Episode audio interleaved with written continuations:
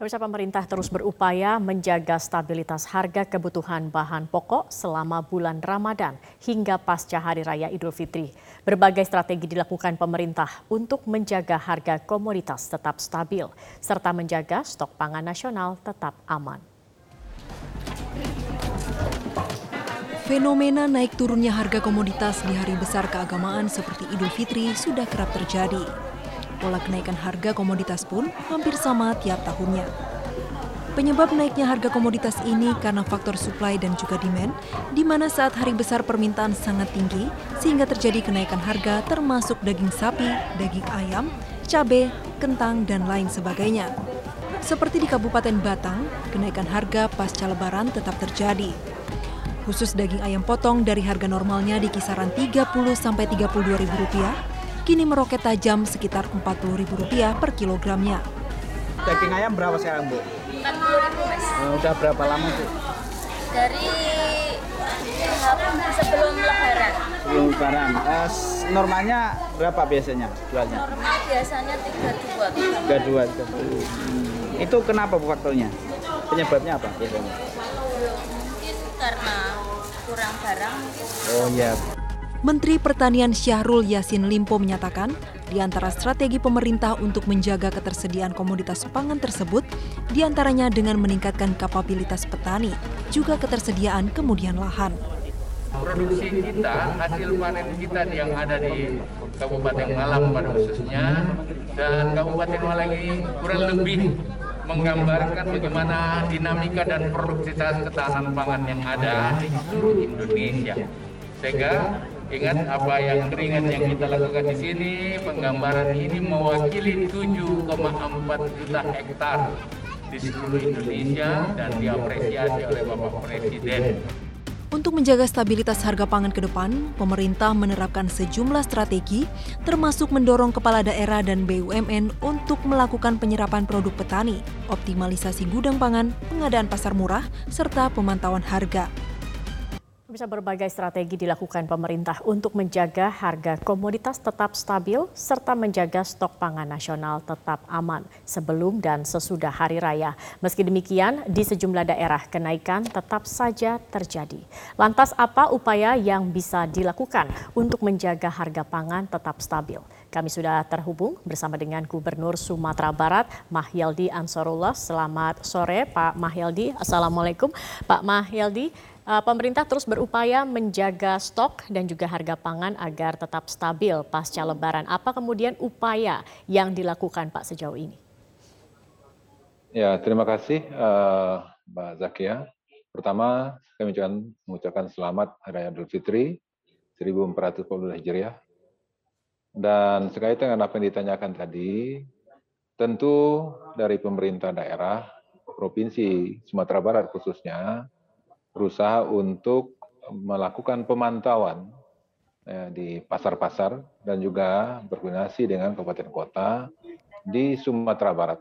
Nah, sehingga dengan adanya koordinasi ini, maka kita akan tahu bagaimana uh, perkembangan harga di pasar. Nah, di samping itu juga uh, tentu kita juga melihat dan mengevaluasi tentang uh, ketersediaan dari uh,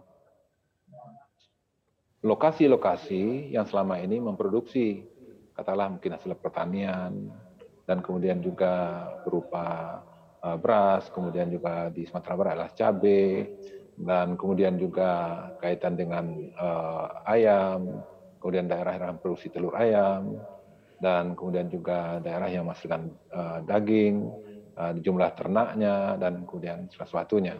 Nah inilah yang senantiasa kita pantau dan Eh, kemudian juga uh, kita juga mengevaluasi tentang uh, keamanan transportasi, ya bagaimana arus barang dan arus orang dari satu daerah ke daerah lain juga tentu adalah hal yang perlu kita awasi. Sehingga itu betul-betul menjamin kelancaran arus barang dan orang. Baik, Pak Mahyaldi kemudian uh, di saat pandemi COVID-19 ini banyak petani dan juga pedagang yang terdampak. Wilayah Sumatera sendiri ini, maksud kami Sumatera Barat sendiri ini menjadi wilayah uh, penopang kebutuhan pangan nasional. Apa upaya yang bisa dilakukan Pak kemudian untuk menjadi uh, atau menjaga kestabilan harga ini? Uh, yang pertama kita lakukan adalah uh, memastikan bahwasanya uh, daerah-daerah yang selama ini sebagai penopang dan penghasil itu produksinya jalan. Dan kemudian yang kedua, bagaimana kita uh, menjaga kepastian karena memang daerah Sumatera Barat adalah daerah yang juga rawan bencana. Nah, ketika longsor ini tentu akan mengganggu. Nah, tentu kepastian uh, pengawasan yang kita lakukan uh, pada daerah-daerah yang rawan tersebut sehingga tidak mengganggu arus barang dan orang.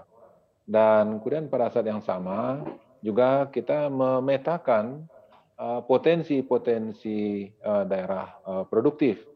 Di samping itu juga daerah-daerah penyangga di luar Sumatera Barat, seperti misalnya di daerah Bengkulu, kaitan untuk penyumbang uh, kebutuhan cabai misalnya, dan kemudian juga dari Sumatera Utara, uh, tentu keterjaminan keamanan transportasi ini adalah hal yang kita perhatikan.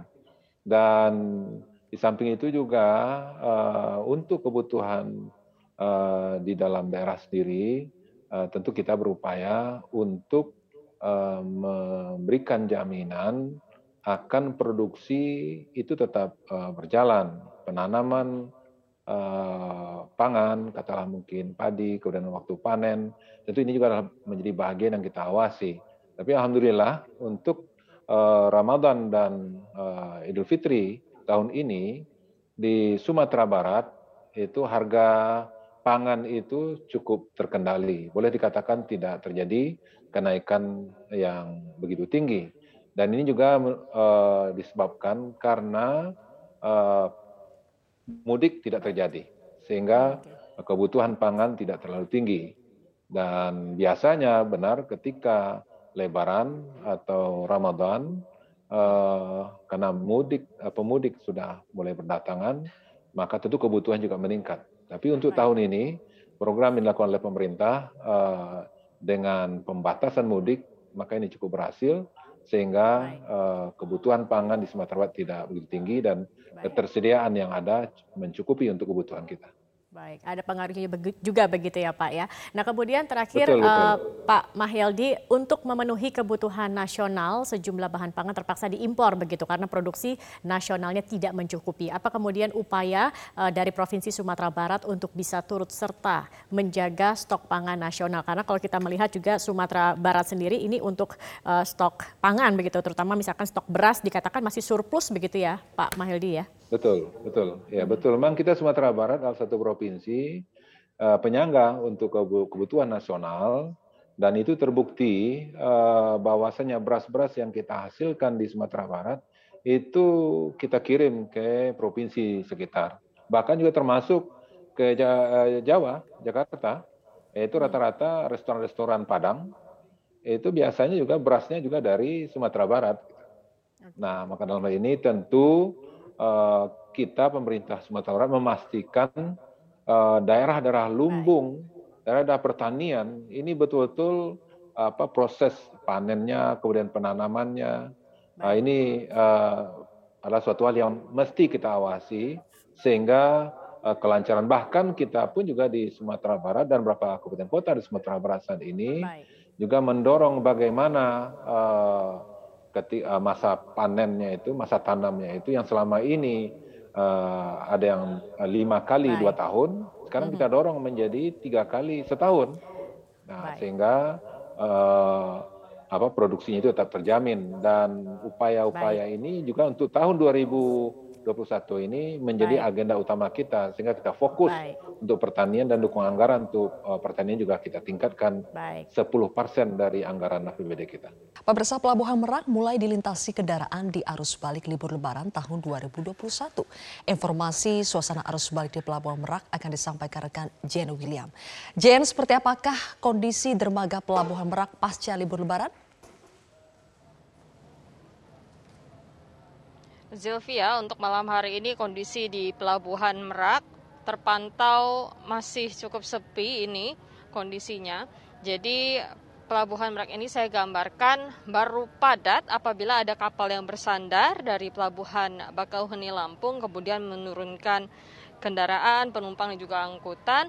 Nah, untuk uh, kepadatannya baru terjadi pada saat itu ataupun pada saat ada kendaraan yang tengah mengantri menunggu untuk masuk ke kapal untuk bisa berlayar dari pelabuhan Merak Banten ini menuju ke pelabuhan Bakauheni di Lampung.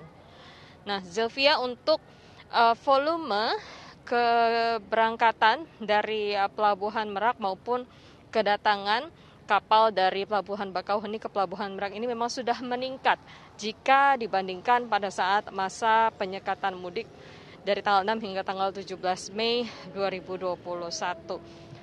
Dan uh, peningkatan tersebut tidak lantas mengakibatkan adanya kepadatan untuk di pelabuhan Merak ini. Jadi situasinya masih normal, tidak terjadi kepadatan.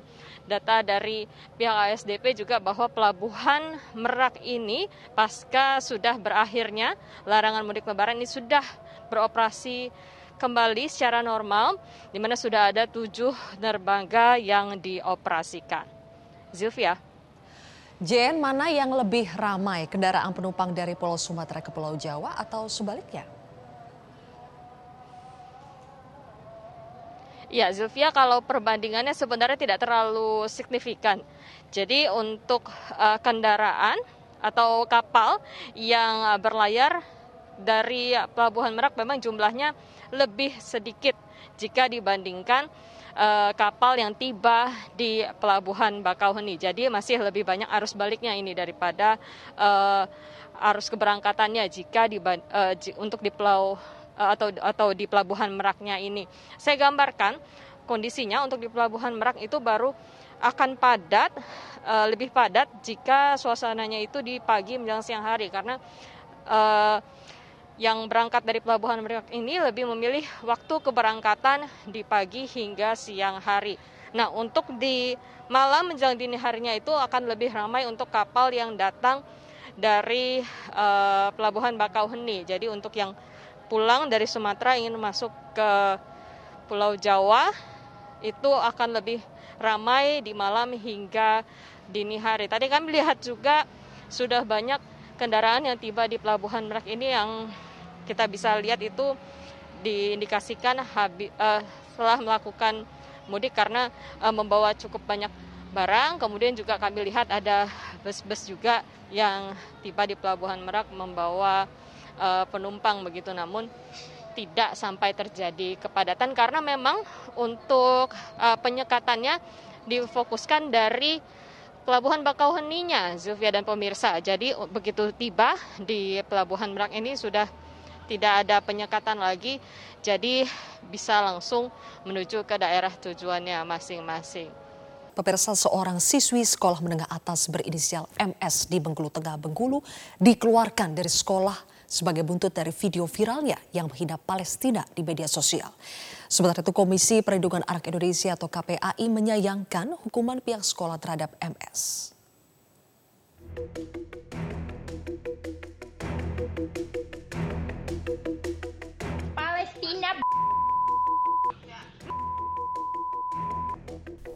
Seorang siswi sekolah menengah atas berinisial MS di Bengkulu Tengah, Bengkulu dikeluarkan dari sekolah buntut video viralnya yang menghina Palestina di media sosial. Keputusan tersebut dikeluarkan pasca pihak sekolah menggelar rapat bersama orang tua MS, Komite Sekolah, Dinas Pendidikan Bengkulu Tengah, Polres Bengkulu Tengah, dan Koramil Talang Ampat. Kepala Cabang Dinas Pendidikan Wilayah 7 Kabupaten Bengkulu Tengah, Adang Parlindungan mengatakan pihak sekolah memutuskan untuk mengembalikan MS siswa kelas 11 itu ke orang tuanya karena MS dinilai melanggar poin tata tertib sekolah. Pihak sekolah sudah mengambil keputusan melalui rapat yang dihadiri oleh ketua komite, wali kelas, juga uh, unsur pengawas, maka siswa tersebut keputusan dari rapat tersebut karena juga poin tata tertib sekolah sudah terlampaui, maka siswa tersebut akan dikembalikan ke orang tuanya. Sementara itu, Komisi Perlindungan Anak Indonesia atau KPAI menyayangkan hukuman pihak sekolah terhadap MS. KPAI meminta pihak sekolah mempertimbangkan kembali hukuman atas MS karena hak pendidikan untuk anak adalah prioritas. Menurut saya ini bu bukanlah keputusan yang tepat dan tidak mendidik. Pertama, anak ini sudah meminta maaf. Kedua, anak ini juga menyatakan penyesalannya telah membuat video ini dan anak ini sebenarnya korban ya dari sebuah informasi yang simpang siur karena analisanya barangkali memang juga belum mampu untuk menelaah semua informasi yang masuk. Nah, lalu anak ini dikeluarkan padahal dia sudah kelas 12. Ketika dikeluarkan di kelas 12 dengan kondisi heboh seperti ini, maka kemungkinan dia tidak bisa melanjutkan sekolah karena mungkin tidak ada sekolah yang mau menerima dia. Sebelumnya MS mengunggah video berisi ujaran kebencian terkait Palestina. Meski video tersebut telah dihapus, video itu pun terlanjur viral dan berbuntut panjang. MS pun telah menyatakan permintaan maafnya dan mengaku menyesali perbuatannya. Saya minta maaf yang sebesar-besarnya terutama terutama negara Palestina, warga negara Indonesia, Provinsi Bengkulu, Kabupaten Bengkulu Tengah, saya siap menerima resiko dari perbuatan saya ini. Saya sangat minta maaf yang sebesar-besarnya buat semua yang tersinggung atas perbuatan saya ini. Hingga kini proses hukum kasus tersebut masih ditangani Polres Bengkulu Tengah. Kapolres Bengkulu Tengah AKBP Ari Baroto mengimbau masyarakat, terutama pelajar untuk bijak dalam menggunakan media sosial. Dari Kabupaten Bengkulu Tengah, Ferry Jaya Saputra, Metro TV.